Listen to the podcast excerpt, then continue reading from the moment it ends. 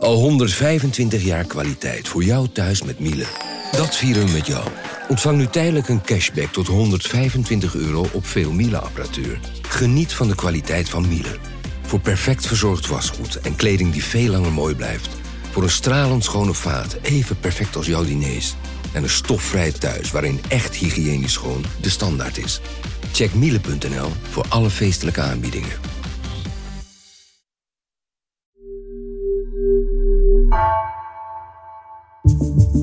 Vanaf de redactie van NRC het verhaal van dit jaar. Mijn naam is Misha Melita.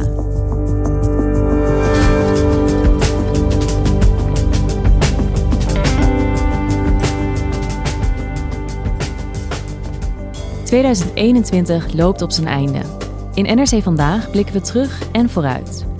Met onze correspondenten kijken we naar belangrijke ontwikkelingen in hun regio. Verhalen die de voorpagina's haalden of juist ondergesneeuwd raakten onder andere nieuwsgebeurtenissen. Vandaag Nederland. 2021 begon met het aftreden van Rutte 3. En dat was het startschot voor een breuk in vertrouwen in politiek Nederland. Naast de pandemie kreeg Nederland te maken met een vertrouwenscrisis, zegt hoofdredacteur René Moerland. Op welke manier gaat die crisis ook 2022 bepalen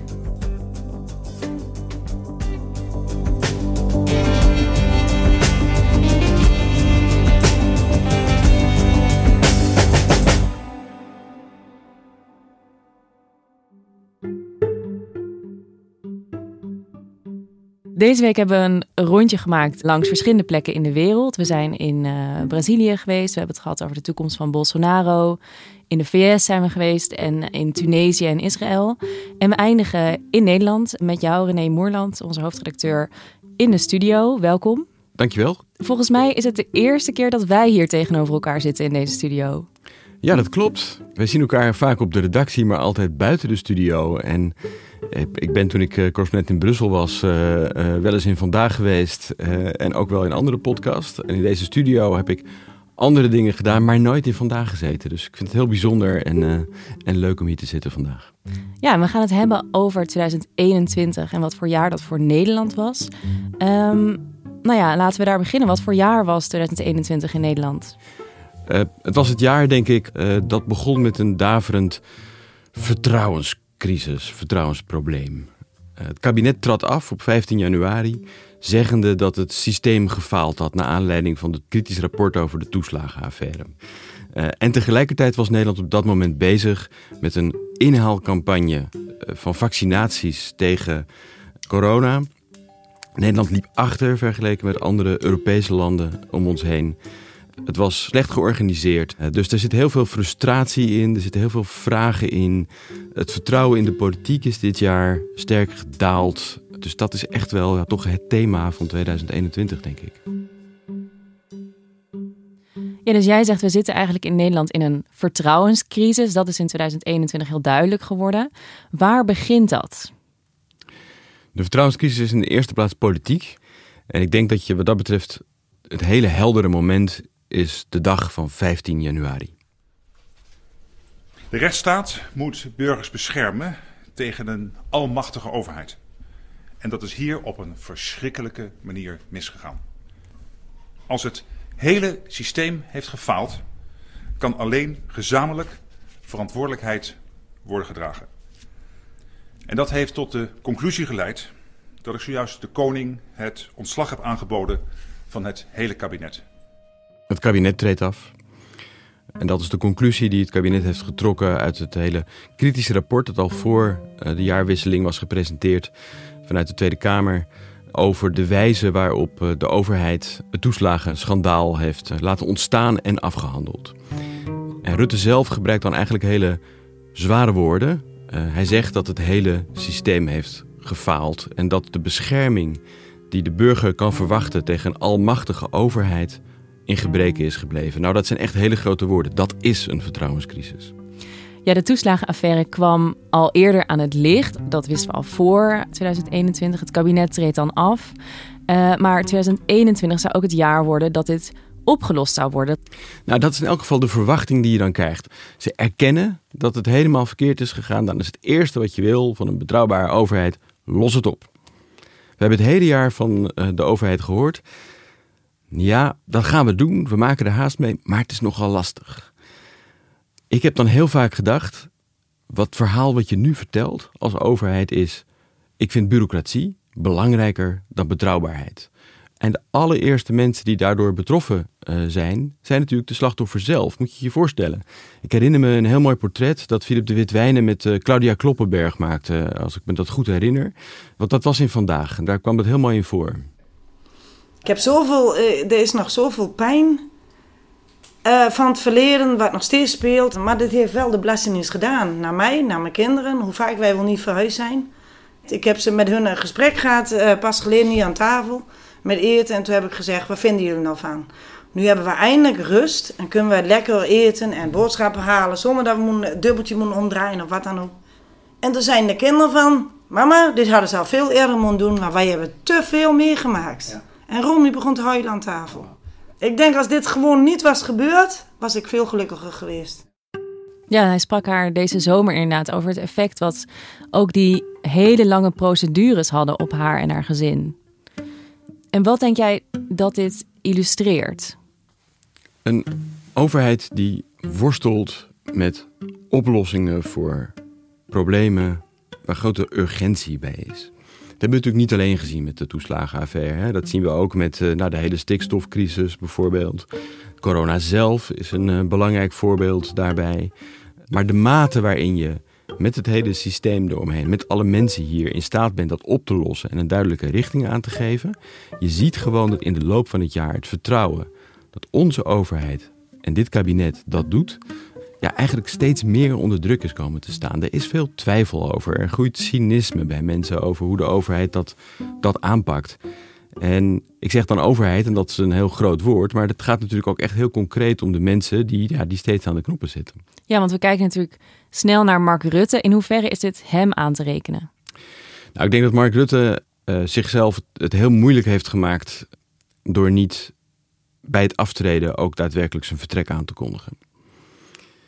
Als je gewoon puur analytisch ernaar kijkt, van een zekere afstand, dan zie je dat hij het hele jaar, het feit dat hij dat niet heeft gedaan, terugkrijgt. Ik vond dat je dat heel goed zag ook in de verkiezingscampagne. De VVD uh, richtte de campagne op de persoon van Mark Rutte. Hij wekt vertrouwen, uh, heeft ook vertrouwen gewekt in de eerste fases van de coronacrisis en hoe hij dat aanpakt. Uh, dus focussen daar de campagne op. Dat werkt. VVD wordt de grootste partij. Dat geeft aan dat er ook best nog wel veel vertrouwen is in hem.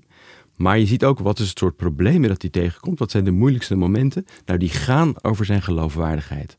Dat zag je heel mooi op het moment dat hij in een verkiezingsdebat, dat was bij RTL, te staan kwam tegenover Kirsty Rongen, een slachtoffer in de toeslagenaffaire. Ja, u heeft mij in de steek gelaten. Heel veel ouders heeft u in de steek gelaten. En burgers. En allemaal voor eigen gewin.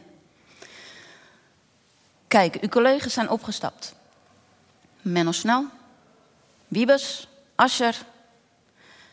En waarom denkt u dat u wel kan blijven zitten als eindverantwoordelijk in de toeslagenaffaire? Ja. Wat jullie hebben meegemaakt is verschrikkelijk. Uh, uh, het is zo verschrikkelijk. Dat raakt de Kamer, het raakt het kabinet, het raakt natuurlijk mij, het raakt de rechterlijke macht. Dus ik snap heel goed die vraag. En het laatste wat ik hier vanavond zal doen, is aan u vragen om de politiek of mij als eindbaas van die politiek weer uh, te vertrouwen. Wat ik wel wil zeggen uh, is dit. Ik heb me die vraag natuurlijk ook gesteld. Kan ik doorgaan? Ik heb er ook over nagedacht. Uh, dit is zo'n schandvlek, het is zo'n debakel. maar ik heb afgewogen dat er ook heel veel dingen wel goed zijn gegaan in de afgelopen tien jaar, waar ik trots op ben. En ik heb er zelden besloten om door te gaan. Dat is mijn eerlijke antwoord op je vraag. Wat we hier live zien gebeuren, eigenlijk, is dat Rutte niet een staatsman is, maar een overlever.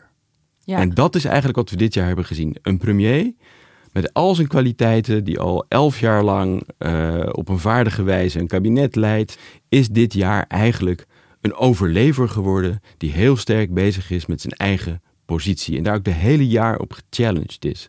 En nou, dat is iets wat we volgend jaar gaan terugzien. Want dat is natuurlijk een hele lastige uitgangspositie. Hij heeft zichzelf gewoon ernstig verzwakt door niet de consequentie te trekken. Ja, want Rutte wordt wel de Teflon-premier genoemd. Alsof eigenlijk alles van hem afglijdt. Was 2021 dan toch het jaar dat er wat krassen in die anti-aanbaklaag kwamen? Absoluut. Uh, Rutte is echt ernstig verzwakt dit jaar. Nou, we hebben de hele omzichtkwestie gehad. Hè. Functie elders uh, was een uh, kwalificatie die uitlekte uit de formatie via een gefotografeerd blad. Ja, ik kan me niet voorstellen dat iemand dat gemist heeft dit jaar. nee, nou, precies. Misschien hoef ik het niet meer samen te vatten, maar ja, je vergeet toch ook dingen weer heel gemakkelijk. En toen was het heel erg het Haagse verhaal was van wie heeft dat nou precies gezegd? Dat is eigenlijk de Haagse vertaling van diezelfde vertrouwenskwestie. Van diezelfde vraag van Kirsty Dongen. Namelijk, Rutte, waar sta jij voor?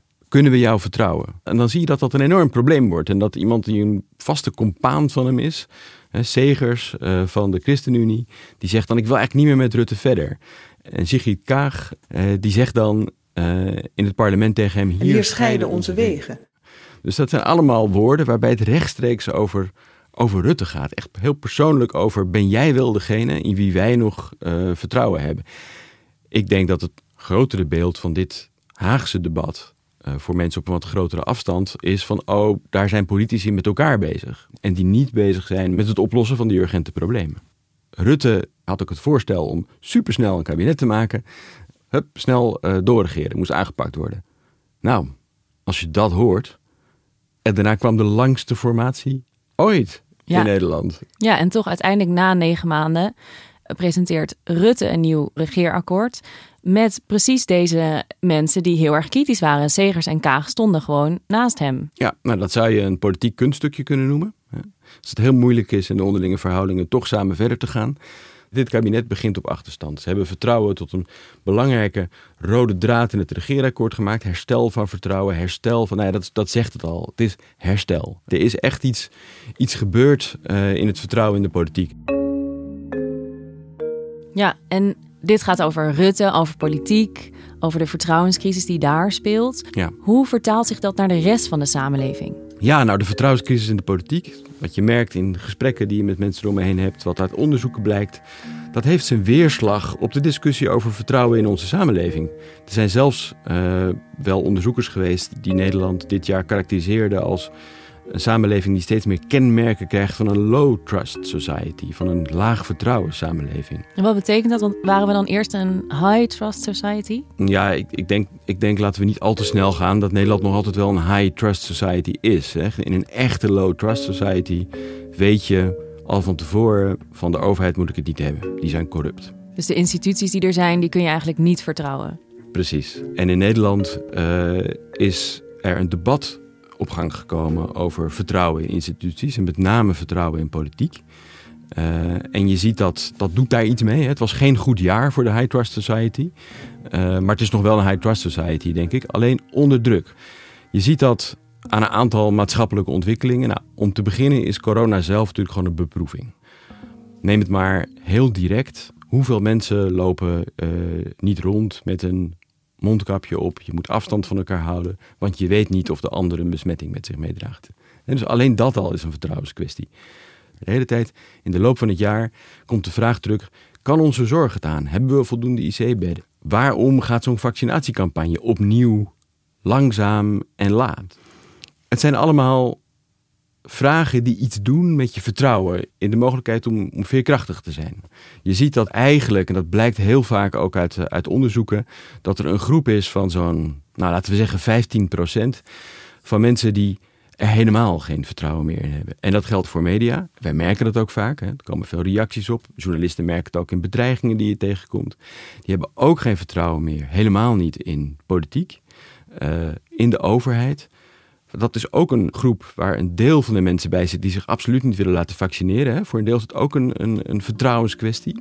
En hoe spelen de media daar een rol in? Professionele media, zoals NRC, daar gaat het gewoon goed mee. Want meer abonnees, mensen willen stevige informatie die betrouwbaar is, uh, die je kunt helpen om je, om je mening te vormen. En het, ik noem nu NRC als voorbeeld, het lijkt misschien wat reclameachtig, maar dat geldt voor heel veel media. Mensen hebben behoefte aan goede, professionele uh, journalistiek. Maar is het niet zo dat parallel daaraan er ook heel veel wantrouwen is in de media? Precies. En het grote probleem ligt bij het feit dat die groep van ongeveer 15% ook echt afhaakt. En wat je nu ziet, is eigenlijk uh, de vraag opkomen: is of die grote groep, mensen die zich goed kunnen redden, uh, de mensen die misschien ook niet zo bang zijn, die een goede gezondheid hebben, niet zo goed bang zijn voor corona, die uh, partijen in het kabinet hebben waar ze op gestemd hebben, of die grote groep en ook de politici die daar electoraal hun basis hebben, of die zich eigenlijk nog iets aantrekken van die groep, die 15% die afhaakt. En we hebben het steeds over die 15%. Is dat een nieuwe groep of was die er eigenlijk in 2020 ook al? Die groep was er wel. Het zal misschien een beetje variëren in omvang, wie er wel en niet bij hoort. Uh, ik denk dat de tendens van 2021, en ook een zorgwekkende tendens, is de radicalisering. Die groep is steeds meer afgehaakt en ook radicaler geworden in het afkeuren van de gevestigde orde. En we gaan nu 2022 in. We hebben geconstateerd dat er een vertrouwenscrisis is. Een groep die zich uh, steeds verder van de samenleving afbeweegt. In welke thema's gaan we dit terugzien volgend jaar? Ja, ik denk dat we een aantal heel concrete langs kunnen lopen. De eerste is natuurlijk de vaccinatiegraad en het ook mogelijke perspectief van herhaalde vaccinaties. Wat gaat er gebeuren om de groep die niet meegaat uh, te overtuigen? Belangrijk onderwerp is ook het onderwijs. De groep uh, kwetsbare kinderen uh, die opgroeit. Daarvoor zijn de omstandigheden de afgelopen twee jaar eigenlijk verslechterd. Veel lockdowns, grotere achterstanden. Wat gaat daarvoor gebeuren? Uh, ik denk dat je ook klimaat kunt zien. Er moet veel gebeuren op het gebied van aanpassing in de economie en de ruimtelijke ordening. denk ook aan biodiversiteit, denk aan stikstof, denk aan platteland, boeren, denk aan woningbouw. En speelt daar ook vertrouwen een grote rol in woningcrisis en klimaat? Je kunt het bij jezelf nagaan. Als je denkt, ja, ik wil in de grote stad wonen, want dat heb ik nodig voor werk, voor mijn ontwikkeling. Kan er niks kopen, want dat is veel te duur. Kan er ook niks huren. Maar ik vind er wel een oplossing. En over vier, vijf jaar zit het wel goed. Dan is je vertrouwen uh, eigenlijk nog betrekkelijk hoog. Als je bij jezelf denkt, ja, kijk, ik verhuis maar of ik verander mijn levensplannen, want dat zit er voor mij niet meer in. En bovendien, ik verwacht ook echt niet dat op het gebied van beleid uh, dat serieus genomen gaat worden. Dan wordt je vertrouwen dus al ondermijnd daarin. Die vraag gaat dus verder dan puur even je financiële middelen of de kans om een woning te vinden. Misschien lukt het je wel en dan gaat het weer heel goed met je vertrouwen, ook al was het daarvoor lager. Je moet het altijd blijven proberen. Maar dit is een indicatie voor hoe dat meespeelt. In, uh, naarmate een samenleving minder kansen biedt aan iedereen, wordt de samenhang en dus ook het vertrouwen lastiger. En dat dat organiseren, ja, dat wordt echt wel de grote opdracht voor in ieder geval de politiek volgend jaar. Ja, dus die vertrouwenscrisis heeft eigenlijk op microniveau allemaal van dit soort effecten waarvan je misschien niet eens meer ziet dat daar zo'n vertrouwenscrisis achter zit. Ik denk dat je dat, dat je dat mooi zegt. En we hebben net een paar thema's aangeraakt. Zijn dit ook de dingen waar we in 2022 meer over gaan lezen en horen bij NRC? Absoluut. Dit zijn, dit zijn grote onderwerpen waar we met elkaar op de redactie veel over praten. En uiteraard, uh, het is eigenlijk ook wel een soort catalogus van onderwerpen waar we in 2022 heel intensief mee bezig zullen zijn. Niet alleen dit, er zijn nog meer dingen. Er ook naar heel veel vrolijke dingen uit. Maar dit zijn wel grote onderwerpen waar we veel mee bezig zullen zijn bij NRC in 2022. En er zullen ook nog heel veel onverwachte dingen gebeuren. Ja, absoluut. Misschien mag ik hier over een jaar weer terugkomen. Dan gaan we zeggen wat ik allemaal helemaal verkeerd zag in 2022. Ja, laten we dat doen. En voor nu, gelukkig nieuwjaar. Dankjewel, jij ook.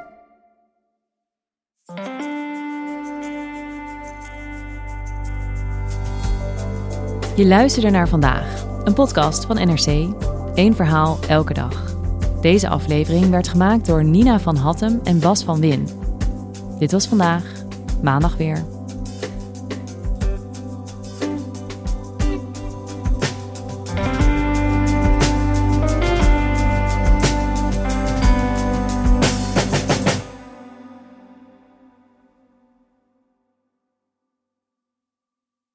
Technologie lijkt tegenwoordig het antwoord op iedere uitdaging. Bij PwC zien we dit anders. Als we de potentie van technologie willen benutten, kunnen we niet zonder een menselijk perspectief. Human-led, tech-powered noemen we dat. Ga naar pwc.nl.